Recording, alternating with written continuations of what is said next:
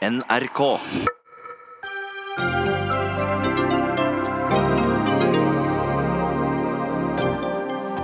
Venstre bekymrer seg for strengere krav til hva lærere kan og ikke kan, men møter liten forståelse hos SV, som mener Venstre har seg selv å takke når de støtter regjeringens politikk. Who's Bad? NRK stanser all bruk av Michael Jacksons musikk i to uker i flere radiokanaler etter anklager om overgrep mot to unge gutter i ny dokumentar. Hvem har noe igjen for det, spør Dagsnytt 18. Solariumsforbud nei takk, sier Fremskrittspartiet, og legger til at vi kan ikke forby alt mulig, selv om overdreven soling øker faren for hudkreft.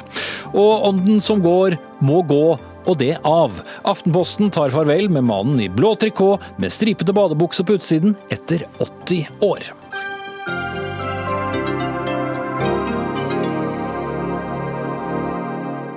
Sier vi god kveld og velkommen til eh, Dagsnytt 18 denne mm, første dagen i den nye uken med Espen Aas i studio. Hvor vi skal eh, begynne med å snakke om Venstres bekymring over at lærervikarer ikke får videreutdanning slik alle lærere skal ha etter de nye kravene fra regjering. Kommunene prioriterer nemlig fastansatte lærere når de øker kompetansen i engelsk, norsk og matte slik de skal og må. Men eh, Mona Fagerås, stortingsrepresentant for SV, bekymringen til eh, Venstre, den eh, skjønner dere litt av? Ja, fordi at for 14 dager siden så satt vi i stortingssalen jeg og Guri Melby og diskuterte 13 konkrete tiltak for hvordan man kunne få flere kvalifiserte lærere i norsk skole.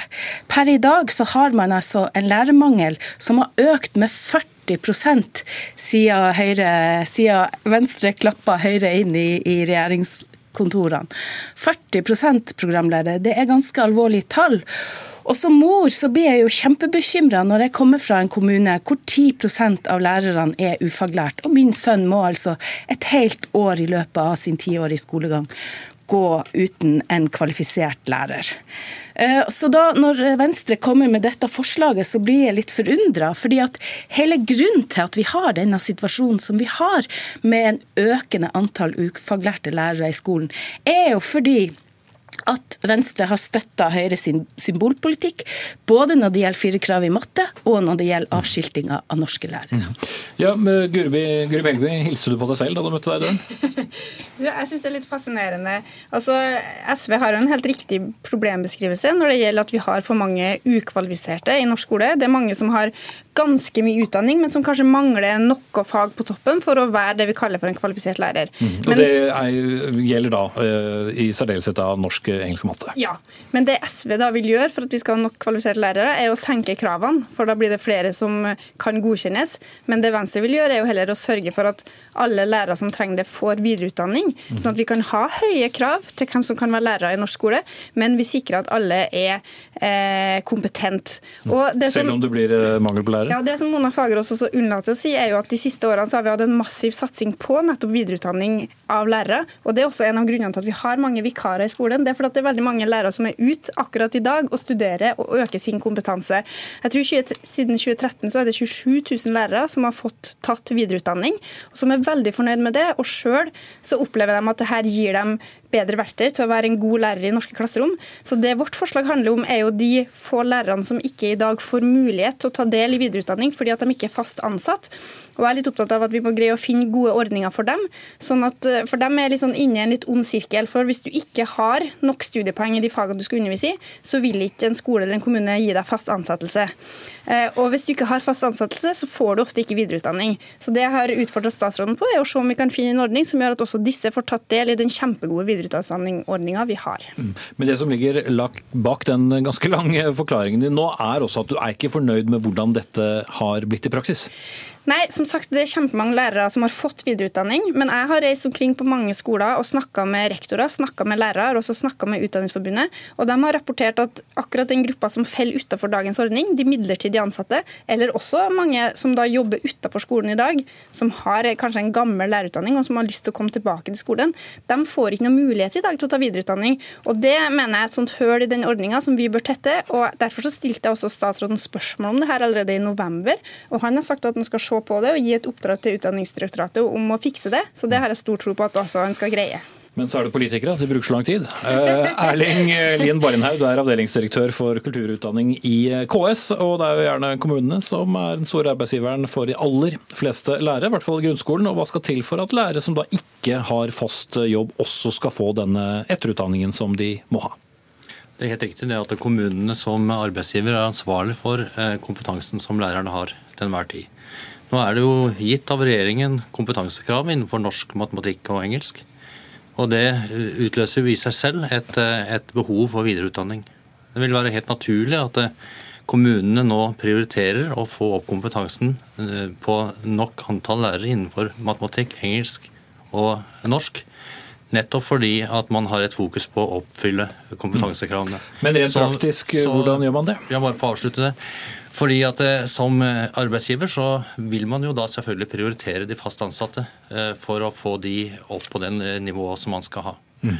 Og Rent praktisk så betyr jo det nettopp det at man nå sørger for å få flest mulig av de fast ansatte gjennom kompetansehevingstiltakene som videreutdanning er, nettopp på de tre fagene. Eh, slik at man kan oppfylle kompetansekravene. Og Det er jo ikke slik at alle lærere skal ha videreutdanning. Eh, det er jo ikke det som er målet, men målet er at alle lærere skal ha den kompetansen de trenger for å undervise de fagene de skal undervise i. Mm. Og Der var problemet ditt, da, Melby? Ja, eh, altså jeg forstår jo at kommunene prioriterer de faste ansatte. Det er jo en helt legitim prioritering for dem å gjøre. Men som, eh, så Derfor så mener jeg at vi som stortingspolitikere har et nasjonalt ansvar i å sikre at det finnes nok gode lærere i Norge et godt stykke fram i tid. og Det er derfor jeg nettopp også utfordra statsråden på det. Men jeg syns også det er viktig å utfordre kommuner og skoler som da er arbeidsgivere, for også å tenke på det behovet de har for potensiell arbeidskraft i framtida. Og det var jo nå 1.3 at fristen for lærerne til å søke på å være med i denne ordninga gikk ut. Og akkurat nå, mens vi har debatt her, så sitter altså rektorer og skolelærere rundt omkring nå og prioriterer hvem det er som skal få videreutdanning. Og de har mulighet til å prioritere dem som står med midlertidig ansatte, hvis de ønsker det. Og jeg vil jo oppfordre at flere rektorer kanskje også sørger for å prioritere dem.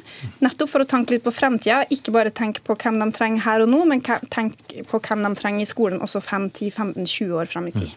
Men Barenhaug, det står ikke fremst i planen? Eh, fordi eh, kommunene gjør akkurat det å tenke på framtida. Eh, fordi at vi gjenstår fortsatt blant de fast ansatte og kompetanseheve rundt ca. 20 000 lærere. Og de må de prioritere. Og som god arbeidsgiver så er det naturlig å gi tilbud til de som er fast ansatt, mm. og som ligger hos oss. Eh, og det, er, det, tenker jeg er en helt naturlig sak for, som arbeidsgiver å, å prioritere det. Eh, og så ser jeg jo det dilemmaet som, som, ble pekt på her, i forhold til at eh, noen lærere, da, et fåtall faktisk, da blir stående litt utenfor fordi at de enten ikke har fast jobb eller mangler noen studiepoeng for å kunne gå inn i, inn i noen av de timene vi snakker om her. Men uh, Mona Fagerås, uh, hva skulle man gjort uh, annerledes? Man må jo ha folk gjennom dette, og noen må være på skolen mens de fastlærerne ikke er der, osv. Vi har jo tatt til orde for at vi må prioritere og kompetanseheve de lærerne som trenger det, og ikke kompetanseheve de lærerne som allerede er utdanna. Det er jo derfor vi er så opptatt av det som Steffen Handal, som er leder av Utdanningsforbundet i Norge, kaller for en skamplett i norsk utdanning utdanningshistorie. Nemlig det at 25 000 lærere nå står og, ikke, eller, og er ikke kvalifisert fra 2025 til å undervise i norsk grunnskole. For Dette handler litt om når man har fått eh, utdanningen, ikke sant? bare for å klare opp det litt for, eh, for, for lytterne. Mm. Ja, eh, og det at vi skal liksom utdanne allerede utdanna lærere For det første så koster det samfunnet ganske mange penger. Men for det andre så går det på bekostning av, og det har jo Guri Melby helt rett i, det går på bekostning av noen. En av de største utfordringene vi ser i norsk skole i dag, det er jo at eh, så mange elever får spesialundervisning av assistenter, eh, f.eks. Eller kanskje bare arbeid, tilfeldige assistenter som ikke engang har faglig faglig bakgrunn. Eh, det, de, hvis jeg hadde vært rektor på en skole i dag, så kunne ikke jeg ha prioritert å gi lærerne eh, videreutdanning i spesialundervisning, fordi at jeg måtte ha prioritert de som da Høyre og med Venstres tillatelse ikke er, lenger er kvalifisert. Men vi skal huske på her at Det er ikke noen sånn helt urimelige eller rare krav som stilles til lærerne. Det vi krever, er at hvis du skal undervise på barneskolen, så skal du ha 30 studiepoeng i norsk, engelsk og matte. altså ett år med studier. Og hvis du skal undervise på ungdomsskolen, så skal du, eller et halvt år, og hvis du underviser på ungdomsskolen, så skal du ha 60 studiepoeng, altså ett år.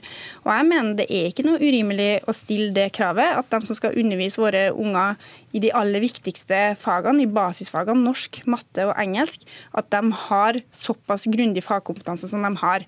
Eh, og Derfor så har vi også satsa massivt på videreutdanning. Siden 2013 så er det altså, som jeg sa, 27 000 lærere som har fått videreutdanning i disse fagene. Det var 7000 som begynte nå i høst. og mest sannsynlig så kommer jo like mange, eller kanskje enda flere, til å få det også i årene som kommer. Og Det betyr at innen 2025, da disse kravene slår inn, så vil eh, alle norske lærere har muligheten til å få mm. kompetanseheving. Det er jo det som er mitt mål. At vi i stedet for da å senke kravene, slik SV foreslår, heller må trappe opp ordninger som sikrer at absolutt alle får den kompetansehevinga de krever. Men, men, alle klarer det ikke på en gang. Men, men altså, ifølge Kunnskapsdepartementet så mangler 9200 engelsklærere fordypning i faget de underviser i. Det samme gjelder 9000 mattelærere og 7000 norsklærere. Men du er vel ikke skeptisk til at de skal få hevet kompetansen eh, i SV, Fagerås? Nei, og det var jo når SV satt eh, med utdanningsministeren at vi fikk innført ei storstilt etter- og videreutdanning. Og vi har jo foreslått i Stortinget en rett og en plikt til etter- og videreutdanning. Men vi kan ikke pålegge erfarne lærere. Og jeg blir så overgitt over Guri Melby, som sitter og ikke syns at 20 års erfaring med å stå bak et kateter er, er kompetanse. Det er jo det som er den virkelige kompetansen vi har den, i norsk klasserom. Ja, altså Vi har elevundersøkelser, har med elevers trivsel å gjøre. Vi har foreldre som kan si noe om hva de syns om, om undervisninga. Vi har nasjonale prøver, vi har eksamensresultat. Hvis du har sittet der og hatt 25 års erfaring med eminente resultater, og så har du kanskje fem år igjen i arbeidslivet, arbeidslivet, så får du beskjed om at nå må du sette deg tilbake på skolebenken. Da velger du jo kanskje å ikke gjøre det, og heller gå av tidlig. Og der har vi problemet. Det vil jo føre til enda mer uh, ufaglærte i norsk mm. skole. Mm. Også, ja, men det er jo klart at Vi setter jo kjempestor pris på disse lærerne. Vi ønsker å beholde dem i norsk skole. Det er derfor vi bruker 1,6 milliarder kroner i året for å gi dem videreutdanning. Pisk pisk og, og tvinge dem tilbake. Nå var det jeg som hadde ordet. Kan jeg få lov til å svare, kan jeg få lov til å svare på utfordringa di? Vi bruker 1,6 milliarder på å kompetanseheve norske lærere. SV foreslår i sine statsbudsjett å kutte i den ordninga, og vi har tredobla ordninga siden SV satt med kunnskapsministeren. Og jeg mener jo at Dersom en lærer har jobba i norsk skole i 20-25 år og ikke en eneste gang fått tilbud om videreutdanning, da mener jeg at vi som arbeidsgivere virkelig har svikta den læreren. Og jeg møter mange lærere som ønsker å få kompetanseheving, som er kjempeglade for det. Selv sjøl om de har stått 30 år i klasserommet, for de ser jo også at de har behov for ny kunnskap. Så jeg mener at hvis vi greier å lage en ordning som er god nok til å treffe alle lærere, både de faste ansatte og de midlertidige ansatte, så er jeg helt sikker på at norske lærere vil være glad for det. Men Barenhaug, hvordan er det å sette dette ut i praksis? Du har for så vidt antydet at eh, det har, eh, har, har noen utfordringer, men altså, klokken tikker mot 2025. Eh, det er for all del noen år til, men får man alle igjennom? Ja, altså Vi kjører jo nå oppimot 6000 lærere gjennom videreutdanning hvert studieår. Så eh, matematisk så burde det her gå opp. Eh, det jeg ville nevne, var at kommunen, som jo er sektoren, som er arbeidsgiver, ikke Stortinget eller mm. regjeringen, det er kommunen som er arbeidsgiver, har ansvaret for å sørge for at man har rett kompetanse til enhver tid på rett plass til de, elevene som skal undervises. Det er, et, det er eh, helt klart. Eh, og Kommunen har tre forskjellige måter å skaffe seg den kompetansen. eller sørge for at man har den kompetansen. Det ene det er eh, etter- og videreutdanning, slik som eh, denne muligheten, gylne muligheten faktisk gir. Og den andre det er at kommunen har mulighet til å omplassere dersom man trenger en mattelærer på en ungdomsskole og har to mattelærere på en annen. Og han har mulighet til å rekruttere, selvfølgelig. Og rekruttere gjør man jo hele tiden. Mm. Så Det vil jo også bidra til at man får den nødvendige kompetansen. Men når det gjelder kompetansekravene, så har vi, eh, når det ble innført og det ble foreslått, så var vi skeptiske til nettopp å innføre kompetansekravet, nettopp av de grunnene som ble nevnt her. Men nå er de der. Og så har vi en mulighet til å løse dette her i fellesskap. Og vi ser jo at eh, lærere søker AMAS. Mm. Bare nå så jeg tallene som kom i, i nå. Nå er det altså 11 300 lærere i underkant som, eh, som søker studiet, i motsetning til 10 000, eh, litt i overkant av 100 i fjor. Det betyr at det er stor interesse for å ta denne videreutdanningen. Og skoleeierne med kommunene de anbefaler også i fjor 1000 mer studenter studiestudenter enn det var plass til. Mm. Vi får sikkert en eller annen karakter på det hele når vi kommer så langt. Vi setter strek for den diskusjonen i hvert fall. Takk til Mona Fagerås, stortingsrepresentant for SV, Guri Melby, stortingsrepresentant for Venstre, og Erling Lien Barlindhaug, avdelingsdirektør for kultur og utdanning i KS.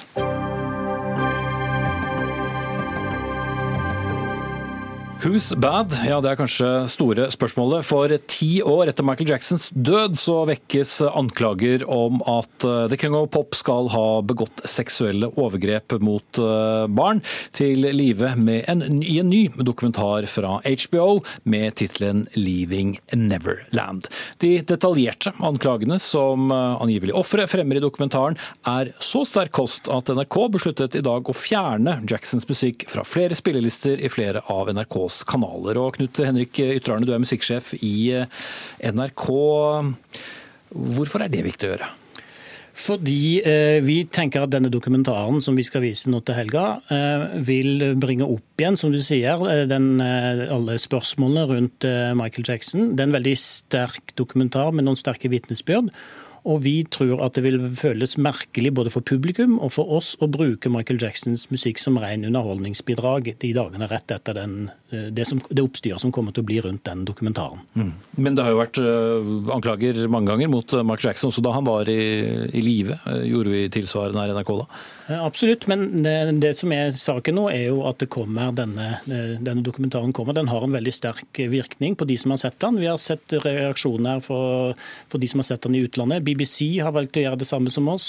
Jeg har lest garva musikkjournalister i The Guardian som sier jeg kommer aldri til å kunne klare å høre på musikken hans igjen osv. Da tenker vi at det, vil, at det, er en slags musikalitet overfor publikum, og ikke som sagt bruke musikken til Michael Jackson som et ukommentert underholdningsbidrag på, på NRK P13 eller NRK P1, sånn som vi har gjort i, i mange år. Mm. Egon Holstad, du er kommentator i eh, avisen i Tromsø. NRK har gjort dette for å vise hensyn til folks følelser, altså. Men i hvilken grad eh, bør NRK ta slike hensyn? Nei, Jeg syns det her først og fremst virker som en slags sånn eh, blanding av moralsk panikk og, og, moralsk, eller, og dobbeltmoralsk posering. Der NRK på den ene sida eh, viser en dokumentar som eh, tar stilling i den ene sida i en sak. Uh, og dermed får også masse blest rundt dokumentaren de sjøl skal vise. Samtidig som de da tar avstand fra det kulturelle innholdet en av de nevnte aktørene i dokumentaren har. Det gjør de på noen av kanalene sine, men ikke på alle. Og de gjør det i to uker. Så hele den greia her virker bare utrolig merkelig sett fra utsida. Altså Enten må de på en måte bestemme seg for at vi skal ikke spille Michael Jackson, for han syns vi virker som en eh, dårlig mann. Vi, er, vi er enige med, med dokumentaristene. Eller så får de la, la, være å ta en sånn halvveisbestemmelse. Og Det er jo liksom merkelig også, når, når det kommer til Michael Jackson, så er det sånn du må jo omtrent ha levd i ei jordhule hvis du har bodd i den vestlige verden de siste 30 årene og ikke har fått med deg en av de for sju henlagte overgrepssakene som har vært retta mot ham. Det er ikke noe som kom med HBO, det her. Eh, og, og, og i, i, sannhetens navn så skal det da også sies at eh, den dokumentaren her allerede da har møtt et søksmål fra Michael Jackson sin familie på, på 100 millioner dollar. Så det er jo det er en veldig rar og liksom blanda og selvmotsigende ting her NRK begir seg ut på. Synes jeg. Ja, Det er ikke noe nytt at Egon Holstad syns at ting er veldig enkelt og svart-hvitt. Det er jo veldig mange spørsmål som han diskuterer. Dette er en av de ting som ikke er svart-hvitt. Det er en krevende problemstilling og det er en sammensatt sak og det er mange hensyn å ta.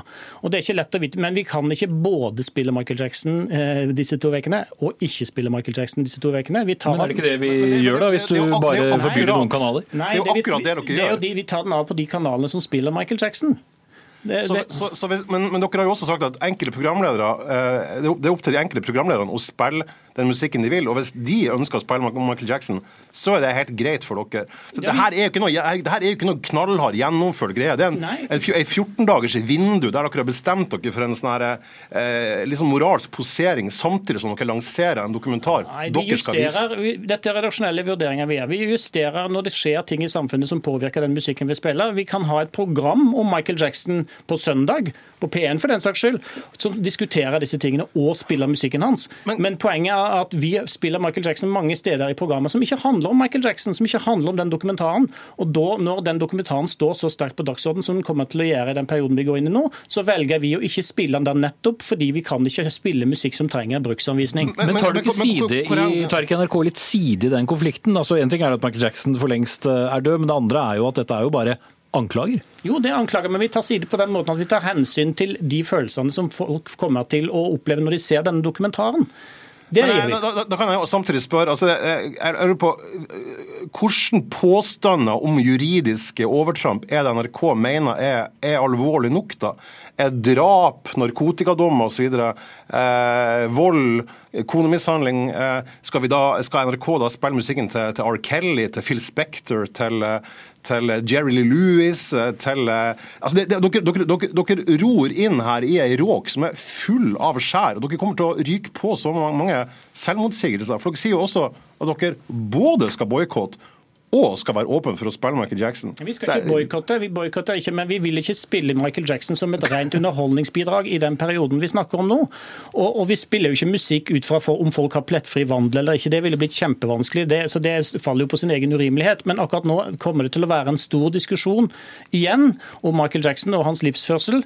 Det er en sterk dokumentar, en, den, den, er vond å se på, og vi tror at mange som ser den, vil måtte ta stilling til hvordan de skal høre på musikken hans igjen. Jeg skal straks slippe deg igjen, Holstein bare på én ting. Hvor ofte er det NRK tar vurderinger om hva som er greit og ikke greit å spille. Vi husker at vi ikke spilte Beranek med Dra til helvete og sånn på 80-tallet, men, men, i den type sammenhenger som du nå nevner? Vi tar løpende vurderinger hele tida. Når det er en diskotekbrann i Gøteborg, så tar vi jo Disco Inferno av spillelisten en periode, fordi det vil føles veldig merkelig å spille den.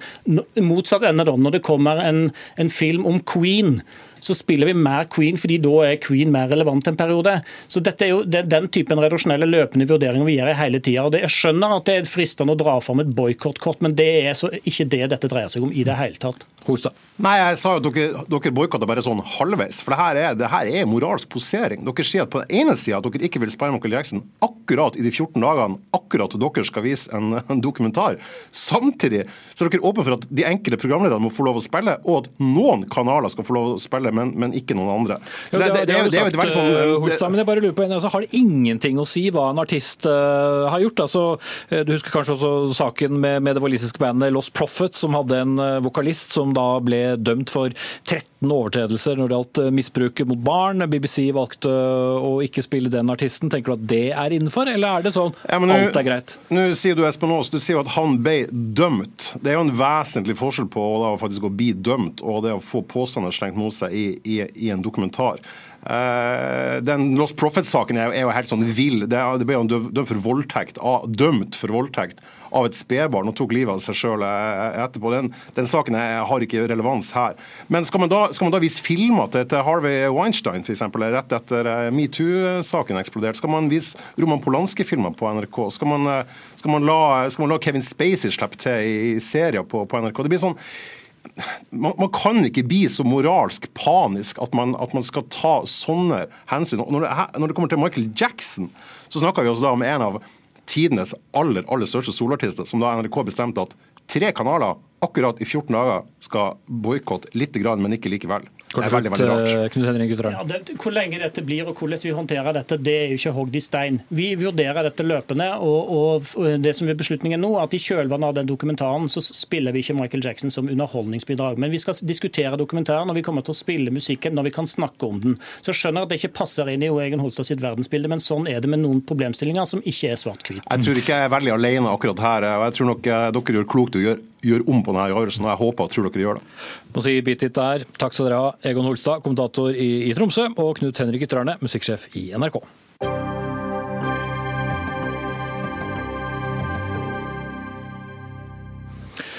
Kreftforeningen er um, skuffet over at regjeringen ikke vil forby solarier eller solstudioer. Et uh, forbud hadde vært viktig i et, et, folkehelseperspektiv, mener de, mens Fremskrittspartiet mener at Norge allerede har et strengt nok regelverk. I høst foreslo en nasjonal arbeidsgruppe med eksperter fra Statens strålevern, Helsedirektoratet og Folkehelseinstituttet at et forbud burde utredes. I dag ble det kjent at det ikke blir noen forbud. Men Annelise Ryhl, generalsekretær i Kreftforeningen, ja, får det så stor betydning at vi ikke får et forbud? Altså, Vi vil jo ha et forbud, det er jo vårt, eh, vårt, mål. Og det er jo ikke en sånn fiks idé som vi har kommet på. Det er jo bl.a. for at Verdens helseorganisasjon har jo gjennom tiden, og senest nå i, eh, i 17 var det vel, kommet med, med nye anbefalinger om at man må regulere alt som har med, med solarium å gjøre. at man må, Enten om det er forbud eller om det er markedsføringsforbud eller et eller annet sånt. Det har de gjort for de, både deres uh, ulike organ, men også i EU så har man jo kommet frem til at uh, solarium øker betydelig kreftrisikoen. Mm. Men listen over land som har forbudt solarium, den er forsvinnende kort? Ja, ja, men eh, noen må jo begynne med Og poenget er jo at, eh, og det er det viktigste av alt, vi ligger i verdenstoppen når det gjelder eh, føflekkreft. Eh, og det er jo ikke en, en topplassering eh, vi vil ha. Det er greit i idretten, men det er ikke greit her. Eh, så er det sånn at veldig mye av kreft vet vi ikke årsaken til, eller vet vi i hvert fall ikke om man kan gjøre noe for, for, for å forhindre det. Når det gjelder denne kreftformen, så vet vi at ni av ti tilfeller er sol eller solarium. Og vi vet også at det er mulig å gjøre noe. Når det gjelder sol, så kan du beskytte deg i skygge, du kan bruke solkrem, andre ting. Og når det gjelder solarium, så mener vi at egentlig så har den ingen helsemessig nytteeffekt av en sånn art at, uh, at det helt tatt er nødvendig å ha den. Og derfor sier vi at målet vårt må være veie dette opp mot helsegevinstene i befolkninga, og at en hver dag omtrent dør av denne kreftformen. Da velger vi å si forbud mot det ta vare på folkehelsa. Mm. Men det syns ikke dere, også Ille Brun Gundersen, stortingsrepresentant for Fremskrittspartiet og medlem av helse- og omsorgskomiteen? Nei, Det er ikke veldig overraskende at Fremskrittspartiet heller ikke støtter et forbud mot solarium. Vi støtter heller ikke et forbud mot solariumsreklame da det kom opp i fjor høst.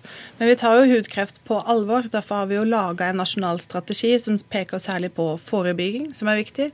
Eh, tilgang på kunnskap og bevisstgjøring hos unge mennesker om eh, nettopp hudkreft og ikke minst tiltak for å oppdage hudkreft tidligere. Så vi er kommet langt på vei i, å, i kampen mot denne krefttypen sammen med Kreftforeninga, men et forbud mot solarium det kommer ikke Fremskrittspartiet til å støtte. Men hvorfor er det så Nei, for så vidt ikke. Men, men, men hvorfor er solarier nettopp så viktig? Altså, jeg tror Ingen tror på at man blir kvitt hudkreft ved å forby solarium. Det er jo styrtsoling som er problemet. Altså, Nordmenn som reiser til Syden med vinterbleike, legger seg på stranda ti timer og soler seg uten solkrem, det er åpenbart farlig. Vi tror jo at gjennom å opplyse befolkninga eh, med god kunnskap og informasjon, så får heller vanlige folk eh, ta disse valgene selv. Og solarium er strengt regulert i Norge. Det er 18-årsgrense. Eh, man er nødt til å gi god opplysning om eh, anbefalt solingsmengder ved alle solarium. Så våre innbyggere har god informasjon om hvilke anbefalinger vi har. Det er riktig, men det hjelper jo ikke, det har vi jo sett. Fordi at den eh, det er jo ikke alle som overholder de reglene av de solarium, men uansett så er ikke det nok. Eh, vi ser jo at når det gjelder denne kreftformen, så øker det jo he hele veien. og Som samfunn så kan vi liksom ikke finne oss i, eh, i det. og Derfor så må man gjøre denne type eh, tiltak. Men, men, Fremskrittspartiet skal ha det at eh, vi har for første gang nå fått en strategi. altså Ikke bare Fremskrittspartiet, det er regjeringa som, eh, som, som, gjelder hudkreft. og Det applauderer vi. Og vi har jobba mye sammen opp mot regjeringa òg. Men på dette punktet her så, så med mener vi at eh, det er altså Hvis du kan unngå at ca. 300 mennesker dør. Det er ikke alle dem som har med solarium å gjøre, men det er mange menneskeliv. Så må vi gjøre noe. Og solarium i seg sjøl er ikke nødvendig. Uh, Men det er ikke nødvendigvis så farlig eller som Burgundersen. Gundersen? Er vel farligere at vi det, reiser til Syden nei, nei, med lite solkrem? Motsatt. Altså, det er dokumentert at det er eh, kreftfremkallende. Det har WHO og IARC, som er det organet som, som er under eh, WHO, eh, kommet frem til. Når det gjelder soling, eh, så har vi en vei å gå. Men det er ikke når vi soler oss først og fremst at eh, det er et problem. Det er når vi er ute, når vi sitter på utekafeer, når vi er ute og ser på sønnen spille fotballkamp og vi ikke tenker at vi skal sole oss, at vi noen gang glemmer å være nok i skygge eller beskytte oss. Så det er klart, det er ikke et enten-eller her. Eh, det er absolutt et både-og.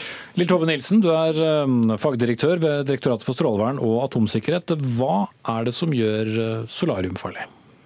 Det har vært inne på det allerede. Det er funnet at det også utgjør en vesentlig risiko for å få hudkreft. Solariet er intens UV-stråling. Så det er jo på, minst like sterkt som eh, sydensolen. Eh, så disse fagorganene til WHO og til EU og også nyere studier har eh, sett på og funnet at dette her er kreftfremkallende. Og det gjelder for alle aldre, men spesielt for de som starter i ung alder. Og man ser også at jo mer man bruker, jo større er risikoen. Men da må det være 18, da. Ja, nå må man være 18. Og så er det mange som spør ja, men er det ikke greit å ta bare litt. Så det har de også undersøkt. Og de, de klarer ikke å finne noen sånn nedre grense som ikke samtidig øker risikoen for å få eh, hudkreft. Mm. Så kan du spørre da, La gå at du ikke lenger hadde hatt muligheten til å gå, gå i, i solarium. Men ville det betydd at folk hadde solt seg mindre, eller ville de funnet på å sole seg annerledes? Så vet du heller ikke det. Det er jo vanskelig å vite, men vi ser jo det, altså at det er trender. og Nå ser vi jo i uh, Australia, som jo uh, har et forbud mot solarium, men de har også gjort mange andre tiltak. Der begynner man jo å se en nedadgående kurve. Så det er klart at en, uh, Uansett så er jo informasjon og bevissthet veldig viktig på, mot individer, sånn at man vet hva, hva man liksom utsetter seg for, og hva man kan gjøre. Men individet er nå én ting, men når vi snakker om folkehelse, så er det jo på et befolkningsnivå. Det er jo hva vi ønsker å gjøre i samfunnet vårt for å redusere redusere risiko for alvorlige og dødelige sykdommer, som det vi snakker om her. Mm. Men du vil informere mer? Altså, hvis man ser på hvem som blir ramma av denne type hudkreft, da, så er det en gruppe som slår høyest ut, det er menn på 70 år. Og Jeg tror ikke man når den gruppa ved å innføre et solariumsforbud eh, i Norge i dag. Og Hvis man liksom eh, ser enda videre på det, så er det voksne personer over 50 år som blir ramma. Og det er altså den generasjonen med speil og spinol som satt eh, på ungdomstida si og styrtsola seg for å bli brune, og det var jo beviselig farlig. I dag så ser man i større grad at ungdom bruker selvbruningskrem og er mer kunnskapsrike og bevisste rundt bruk av solkrem, og løser dette her på en bedre måte. Inne på absolutt alle solstudier så står det informasjonstavler om anbefalt solingsmengde. Så hvis du, ikke, hvis du har vinterbleik hud eh, og har lyst til å ha litt sol, så anbefaler de denne typen mengden eh, for at man skal ta hensyn til hudtypen sin. Så jeg tror fremdeles at eh, kunnskap er makt, og hvis vi oppdrar ungene våre med god informasjon, sørger for god informasjon på solstudiet, så får vi redusert denne hudkrefttypen automatisk. Vi har jo fått ned en annen viktig kreftkilde, røyking kraftig, uten at vi noen gang forbød røyking selv om vi gjorde det vanskeligere å røyke? Altså, eh, verdenssamfunnet har jo, har jo, en eh, intensjon om at vi skal ha et tobakksfritt samfunn der fremme i 25-30-35, så det er ikke så lenge til. Og, og, det er jo en masse tiltak. Poenget er jo med, med tobakk så har du jo både reklameforbud, og det, og det er ikke overalt du har lov å røyke, og det er tusen ting som er kommet etter hvert. Og det siste har jo vært reklamefrie pakker. Så her også er det jo sånn at vi har jo hatt advarsler, har jo advarsler. Uh, og vi har jo en markedsføringslov som er streng. Så vi har jo gjort ting, men vi ser jo at det er jo ikke nok. Så vi mener jo at Altså, vi kan ikke sitte og se på at så mange lider og så mange dør, når vi vet det kan forhindres eh, ut fra å gjøre dette. Og samfunnsregnskapet er veldig høyt, hvis du tar det òg. Det er vel 6,5 milliarder det koster med altså selve hudkreft eh, per år i Norge. Um, så derfor må vi gjøre alle mulige tiltak, inkludert dette med solarium. Jeg har lyst til å spørre, altså, Hvor langt er du villig til å gå i disse forbudsretningene? Fordi alt er farlig. Eh, man kan få beviselig kreft av jo, veldig mange ting i dette samfunnet. Noen ting er farlig enn andre ting. Og forbud på alt som kan være kreftfremkallende i samfunnet. Forbud er også en regulering som gir rettighet og trygghet for andre, men her er jo nettopp en kreftform som vi vet vi kan redusere. Dessverre så finnes det mange kreftformer som du ikke kan gjøre det, og som du oppdager for seint. Jeg vil gjerne ha inn Lille over Nilsen igjen. Men kunne man gjort noe med altså selve solsengene? Altså, man, eller er de per se farlige fordi de stråler? Det er jo sånn at Så lenge de stråler, så utgjør de en risiko. Og jeg må bare si at Selv om det er de fleste godt voksne som får hudkreft, så har man sett gjennom disse studiene at kanskje en større andel av unge får det gjennom solariebruk. Og Det er noe som utvikler seg over tid, så det er, det er, ikke sånn at du får det med en gang du har vært utsatt for en eksponering. Så eh, mye av de som får det nå, er det fordi de har fått det i barns, uh, barneårene. Men, uh, men, du sier det, disse solariene utgjør litt mer for de unge. Men vi også er veldig glad for at strategien som helhet har fått gjennomslag. Fordi vi mener jo at det er alle tiltakene til sammen som skal være med og, på dette nasjonale løftet da, og få oss ned fra hudkrefttoppen. For det er ikke godt å si hvis et forbud hadde trådt i kraft og kvantifisert eh, effekten av det med det første, for dette skjer over tid? Nei, dette tar tid. Og, og bare å forby solarier ville heller ikke ha hjulpet. Vi vil jo ha på plass eh, mange. Helhet. Helheten er det som er viktig. Kunnskap og bevissthet om hva det er som gir oss en risiko. Hvem er det som er eh, ja, som har størst risiko, og hva skal vi gjøre med det? Eh, og få det inn fra tidlig alder. Eh, og så lære oss hvordan vi skal oppføre oss, og ikke minst hva skal vi se etter. Også tidlige faresignaler på hudkreft. For de aller fleste føflekker vil aldri bli farlige, så vi skal ikke gå rundt og være veldig redde. Så vi må også lære det, både vi selv og omsorgssituasjoner, legene, eh, sånn at vi kan ta de som er noe å ta, og ikke alt mulig annet. Men Hvordan skal dere angripe dette nå da i Kreftforeningen? Skal dere skremme folk fra å gå i solstudioene? Nei, nei, nei, vi bruker aldri å skremme, men det er jo, vi har jo hatt spørreundersøkelser, og det er jo sånn at det er tross alt flere som, som ønsker at man ha, både har reguleringer, men også sier at solarium eh, bort. Det viktigste for oss er jo informasjon. Igjen, denne, denne eh, plakaten som, som, henger rundt på solarium, den har jo vi utarbeida i samarbeid med, med, med dere, eh, som nå ikke heter Strålevernet lenger, men heter noe annet. Eh, nettopp for også å, å, å få, ty, få det, eh, en tydelighet formulert. Og vi er jo ikke sånn som driver med skremsel, men vi sier at dette her ønsker vi jo skal bli eh, forbudt, for vi mener at det vil være et viktig tiltak når det gjelder folkehelse. Men det blir jo ikke fra en dag til en annen. Man vil jo ha overgangsregler, og vi har lært en del også av hvordan Brasil har gjort det. Mm.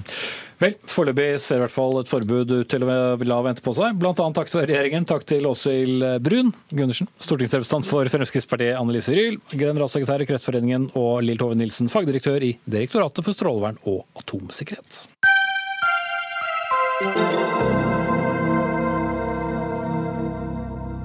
På fredag så er det 8. mars, og for um, aller første gang skal den kristne organisasjonen Jesus Kvinner gå i nettopp et 8. mars-tog. Men ikke for å stille seg bak noen hovedparole for selvbestemt abort, altså.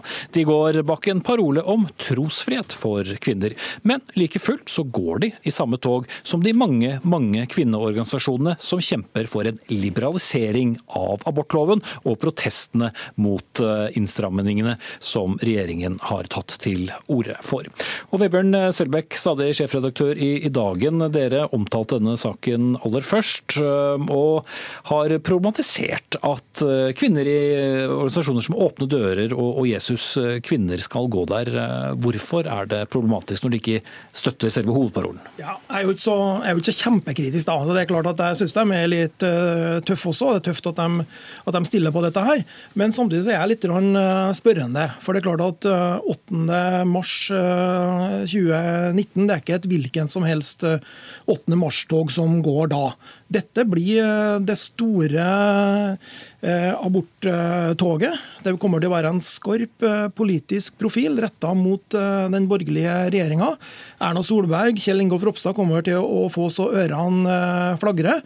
Og hovedparolen er jo i utgangspunktet et et ønske om å utvide dagens abortlov. Kommer å, man kommer til å argumentere for uh, tvillingabort, at det skal bli uh, lovlig igjen med selvbestemt tvillingabort. Man kommer til å forsvare 2c, denne paragrafen som gjør det mulig å, å bruke funksjonshemming som et selvstendig uh, abortgrunnlag når det gjelder senabort. Alt dette her.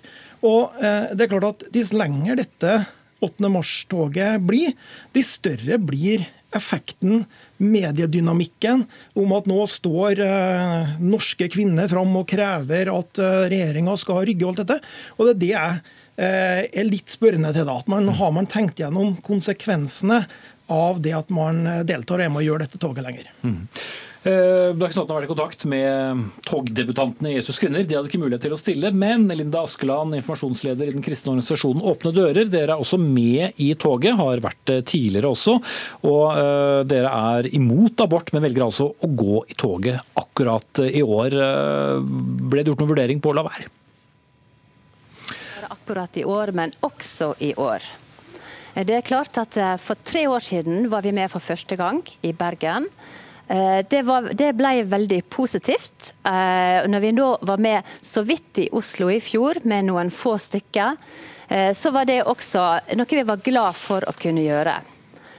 Så fikk vi vite, og Jesuskvinner, vi fikk vite om hverandre at de starta sin nordiske konferanse på nettopp 8. mars. Og De hadde lyst til å være med og gå til støtte for forfulgte kvinner. Altså under Åpne dørers fane trosfrihet for verdens kvinner. Eh, når, nå, eh, når, vi nå så etter jul at fokuset på abort økte på, og at det kom til å bli en sak på kvinnedagen, så tok vi en liten vurdering på det, om vi skulle nedtone vårt engasjement.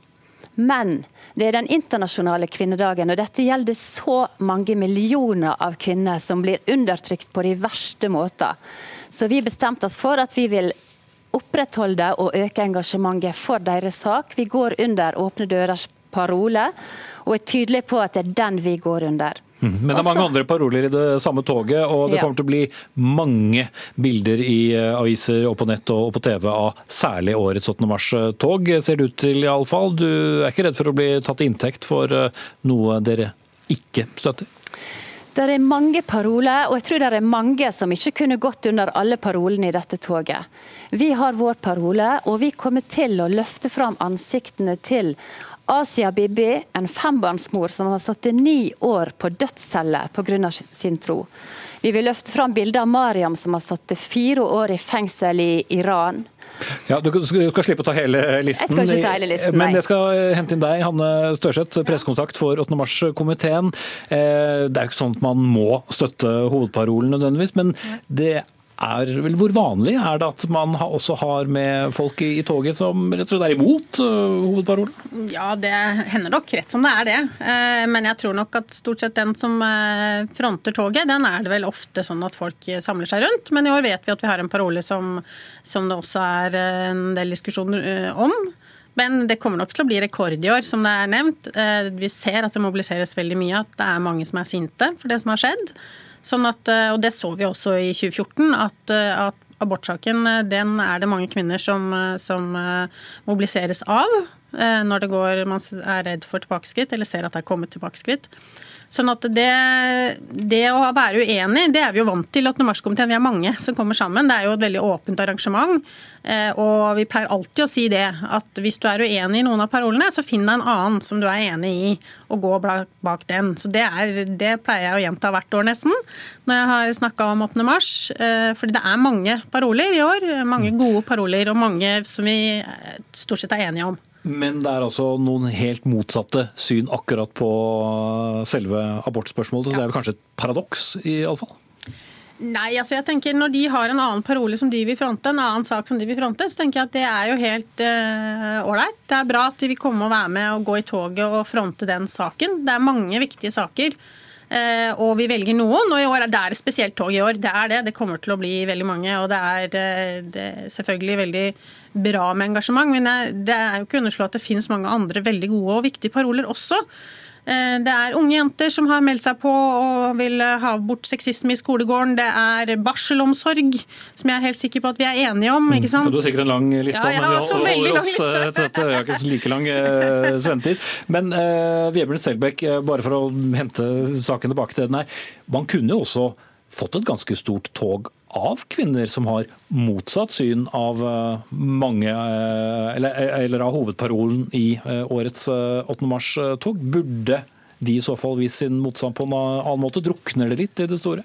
Ja, Det er jo det jeg, det er, det jeg er redd for. da. Altså, Jeg er jo helt enig i alt som Linda Askeland sier om det helt essensielle og viktige å stå opp for kristne kvinners trosfrihet. Og det er jo sånn at når det er krig og krise, så er det kvinner som lider mest. Og det er det også i denne problematikken. Forfølgelse av kvinner i Midtøsten. når kristne drepes og trakasseres og forfølges, så er det også der kvinnene som lider mest. Så Sånn sett så er det helt eh, klart at eh, man bør uh, marsjere for det. Det jeg stiller spørsmål om, det er om det er riktig tog man stiller opp i. Uh, og der, der, tror jeg det er en fare for at dette her altså da blir, blir tatt til inntekt for at man, hver enkelt også som går under denne parolen for trosfrihet, blir telt med i det, i det som kommer til å bli framstilt i media som uh, rekorder, og, og viser hvor, hvor, sterk kvinnerøsten i Norge er mot det regjeringa har gjort her, og hvor, hvordan Erna Solberg har svikta norske kvinner og alt dette her. Man blir regna med, og det syns jeg da er paradokset her. Så du har ikke forstått mediedynamikken oppi det hele?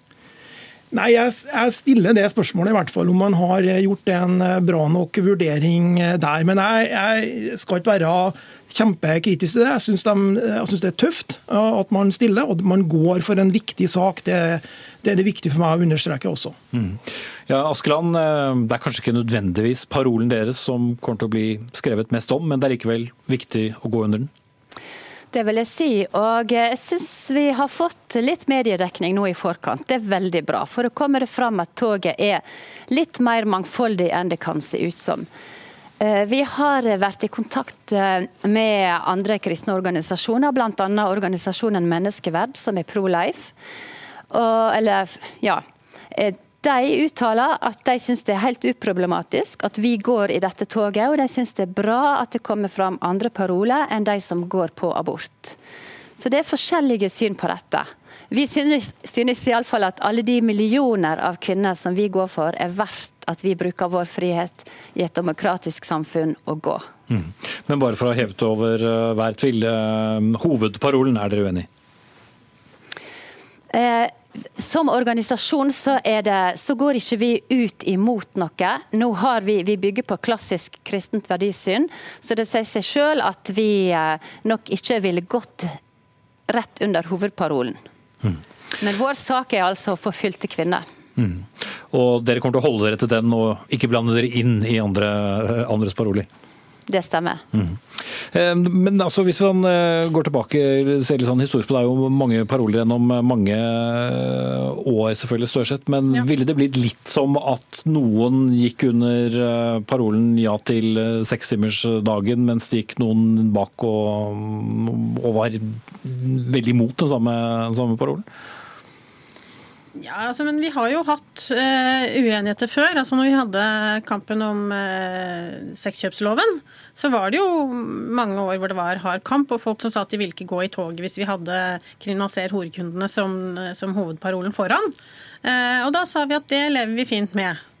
Det var jo også sånn når vi hadde paroler som gikk mot regjeringa da det ble regjeringsskifte, så hadde vi det som en hovedparole. Og da var det jo andre som sa at nei, de vil ikke være med å gå bak den. Og det Sånn er det jo. altså Det skal være et politisk arrangement, det skal være sånn, men samtidig så skal vi også ha en mangfold. Det er mange gode saker å markere. sånn, sånn sett tenker jeg at den løsninga de har valgt, så er helt, eh, helt eh, OK. Vi syns det er bra at de kommer. Vi vil jo gjerne ha mange Det fins veldig mange gode paroler, eh, sånn at vi kommer ikke til å holde de som hovedparoler, for det er begrensa. Men, eh, og det stemmer vi over. Men eh, jeg tenker at det er eh, For oss er det fint at de kommer. Det er en fin sak de markerer. Sånn at den er det ingen problem med at det går i toget. Og jeg ser ikke noen noen, noen utfordringer med det, da. Altså, vi, vi har politiske, våre politiske kamper på parolemøtet hvert år om hva vi skal prioritere, og der er det uenigheter også. Mm. Ja, for Selbekk, eh, selv om man markerer eh, kvinnedagen 8. mars, så trenger man ikke å være nødvendigvis enig i alle paroler? Nei da, og det er ikke noe overraskelse at, eh, at, Åpne dører sier det de gjør om at, hvilken holdning de har til, til hovedparolen. Men spørsmålet er hvordan dette blir oppfatta og tolka, ikke minst i en i en medievirkelighet som jeg nok har en mistanke om hvordan kommer til å se ut. Det kommer til å være en masse plakater med 'Erna, hold deg vekk fra livmora' og alt dette her. Og hver eneste en som, som har gått i det toget, blir telt med som en deltaker i denne kritikken av regjeringa. For vi skal være klar over at eh, det som, som, du sier, det er et politisk arrangement, og det er et venstresidearrangement. Og Det er den som dominerer, og alle andre får lov til eh, å marsjere pent eh, bakerst og bli telt med, men det er på en måte litt annenrangs. Mm. Like fullt, Jesus kvinner og Åpne dører er med der med sine egne paroler. Takk til dere alle tre. Hanne Størseth, pressekontakt i 8. mars-komiteen, Vebjørn Selbekk, sjefredaktør i Dagen, og Linda Askeland, informasjonsleder i Åpne dører, med oss fra Bergen. Han har vært eh, hard mot de harde i snart 80 år i Norge. Den maskerte mannen som ikke kan dø eller hvordan det nå var, nemlig Fantomet. Ikledd helsittende blå trikot, i hvert fall i Norge, med en stripete badebukse utenpå, så har han kjempet alene mot pirater, forbrytere og alskens lumske figurer, bevæpnet med to pistoler, bistått av ulven ulv og hesten Hero. Men 18.11. Ja, 18. 1939 så sto første stripe på trykk i Aftenpostens A-magasin. Siste stripe kommer i mai i år. Og med oss fra Stavanger har vi Kjell Steen, med nære bånd til Fantomet, får vi si. Du var, eller rettere sagt fortsatt er, for du er ikke avsatt, sjefen i den norske Fantomet-klubben. Det har du vært siden 1994. Nå har det for så vidt vært kjent en stund at uh, ånden som går skal gå en gang for alle. Men hva slags følelser har dette satt i gang hos dere som eh, er erketro? Jo, det er veldig harde ting, dette. Du, du, du, du sa Fantomet var hard mot de harde, men nå må vi være hard mot Aftenposten. For dette går inn på alle våre medlemmer, som er oppe i 130 000. Mange av disse har jo sett fram til å lese Fantomet i Aftenposten hver eneste dag, og nå er det slutt. Så det er trist. Og Seriebladet har også takket eh, for seg. Forklarer ikke dette bare at eh, Fantomet har gått ut på dato? Nei, det, Fantomet er jo aktuelt som bare juling. Så dette virker for meg litt merkelig. Den dagsstripen av serien som går i amerikanske avisene akkurat nå, den har aldri vært bedre. Så, eh, jeg, for, jeg, forstår i grunnen ikke dette, og alle fansen forstår det ikke. Aftenposten vil jo nå merke dette pga. det at nå går avisen ned i, i løssalget. Iallfall etter 24. mai, hvor siste stripa kommer. Mm. Sveinung Berg Benstrø, journalist i Aftenposten og medtegneserieansvarlig, må vite. Ja, mannen som ikke kan dø skal i hvert fall dø hos dere. Dette har dere i grunn prøvd før. Hvordan, hvordan, har det gått eh, tidligere når dere skulle slutte med Fantomet? Da har det skjedd som eh, Kjell Steen eh, kringkaster her, at det har blitt motbør. Det er det blitt denne gangen også. Vi har prøvd den tre-fire ganger før. Men hver gang har vi fått en bunke med håndskrevne brev og telefoner, og nå er det jo da innlegg i Aftenposten hvor man da beklager sterkt at Aftenposten gjør dette og sier takk og farvel til Fantomet etter 80 år. Og det tror jeg er omtrent akkurat lenge som Kjell Steen har levd. Kan det stemme? Ja, minst det. Og husk at Fantomet aldri kan dø, og det gjelder også Kjell Steen. Hans uh, alter ego. Men, men, Benser, eh, men, du skal slippe det snart, stemme, bare spørre Benser, altså, Hva er hovedbegrunnelsen for at denne så langtlevende seriehelten som har vært altså siden før annen verdenskrig, ikke lenger skal få lov til å fortsette? Det er fordi at serien og Fantomet mer enn noe annet er blitt en blek skygge av seg selv, slik vi ser det. Fantomet er jo en handlekraftig fyr. Han skal forlate sin hodeskallegrotte dyrt inn i Afrikas jungel, stige til hest på en snøhvit hingst og med ytterst besluttsomhet ri ut og håndtere formastelige skurker til lands og til vanns. Mens han da de siste årene dessverre har tuslet for mye rundt som en slags vismann og vært mer opptatt av å være myk enn hard. Og, og da sier vi i Aftenposten slik kan vi ikke ha det. Mm. Og da er det slutt. Men, men eh, Sten, er Fantomet like godt uh, lesestoff nå som uh, ja, på 90-tallet, da du gikk inn i, i, bladet? Absolutt. Fantomet leses jo daglig. Og Aftenposten, som forteller dette, her har jo ikke, skal ikke slutta helt. Jeg forstår så skal de ha såkalte klassiske eventyr på digital Aftenposten. Så det, det blir jo en langsom avslutning. Så det tyder jo på at de er, er ikke så bastante som eh, han Sveinung gir seg uttrykk for. Nei Det er med stort vemod vi sier farvel til Fantomet. og Vi har brukt flere måneder på denne beslutningen. Men jeg tror også jeg må få lov å minne Kjell Steen på hva han sa til eh, meg i et intervju med Aftenposten for et par år siden. Sist gang vi vurderte å si opp serien. Og da sa han serien går kanskje litt på overtid. Og da spurte jeg mener du dette virkelig. Ja, jeg tror jeg må si det slik. Det sier sitt at bladet bruker minimalt av avisstripene, sa du den gangen. De er rett og slett ikke gode nok. Ja, riktig. Den gangen var de ikke gode nok, men han Tony de Paul, som nå skriver, han har tatt dette ad notam. Og eh, nå skriver han som bare sånn du vil ha, akkurat sånn som du vil ha det.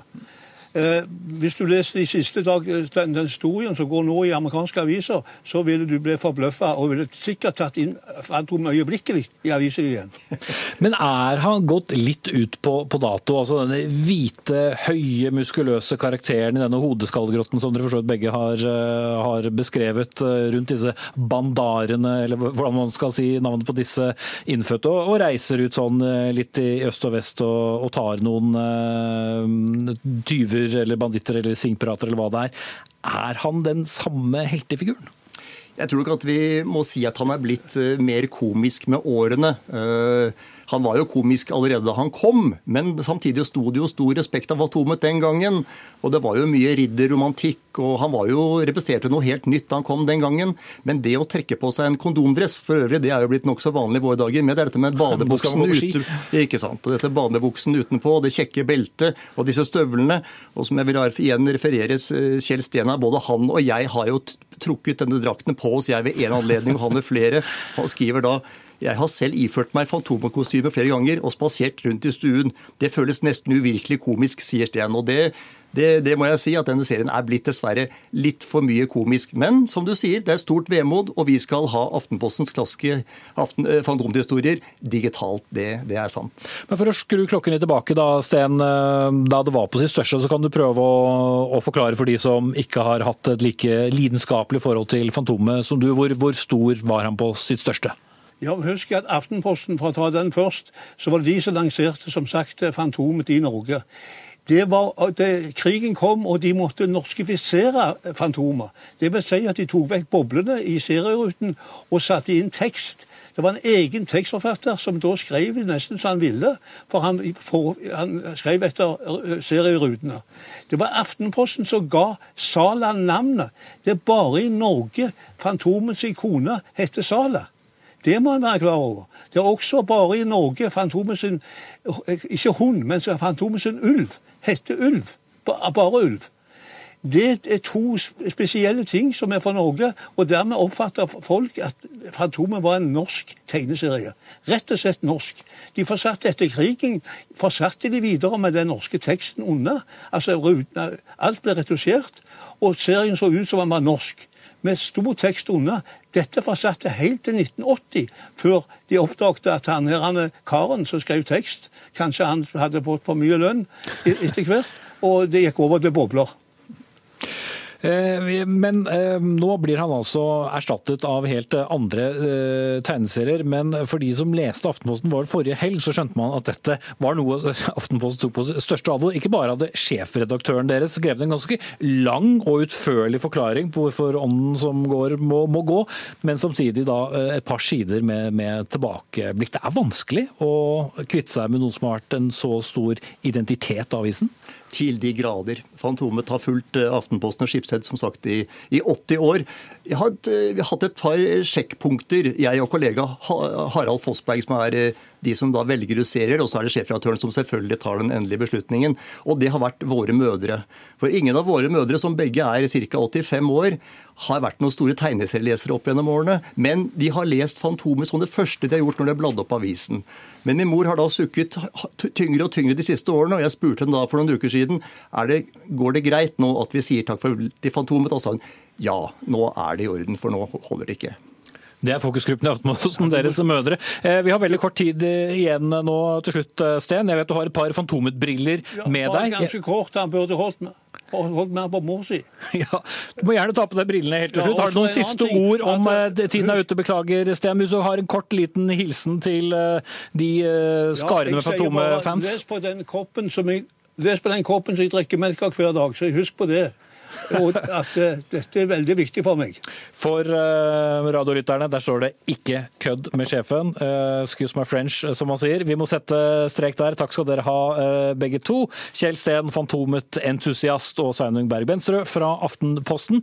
Ansvarlig for denne sendingen, det var Fredrik Lauritzen. Hans Ole Humlevold tok seg av det tekniske. Her i studio sitter Espen Aas, og vi må også gå nå. Men Dagsnytt 18 er tilbake igjen i morgen.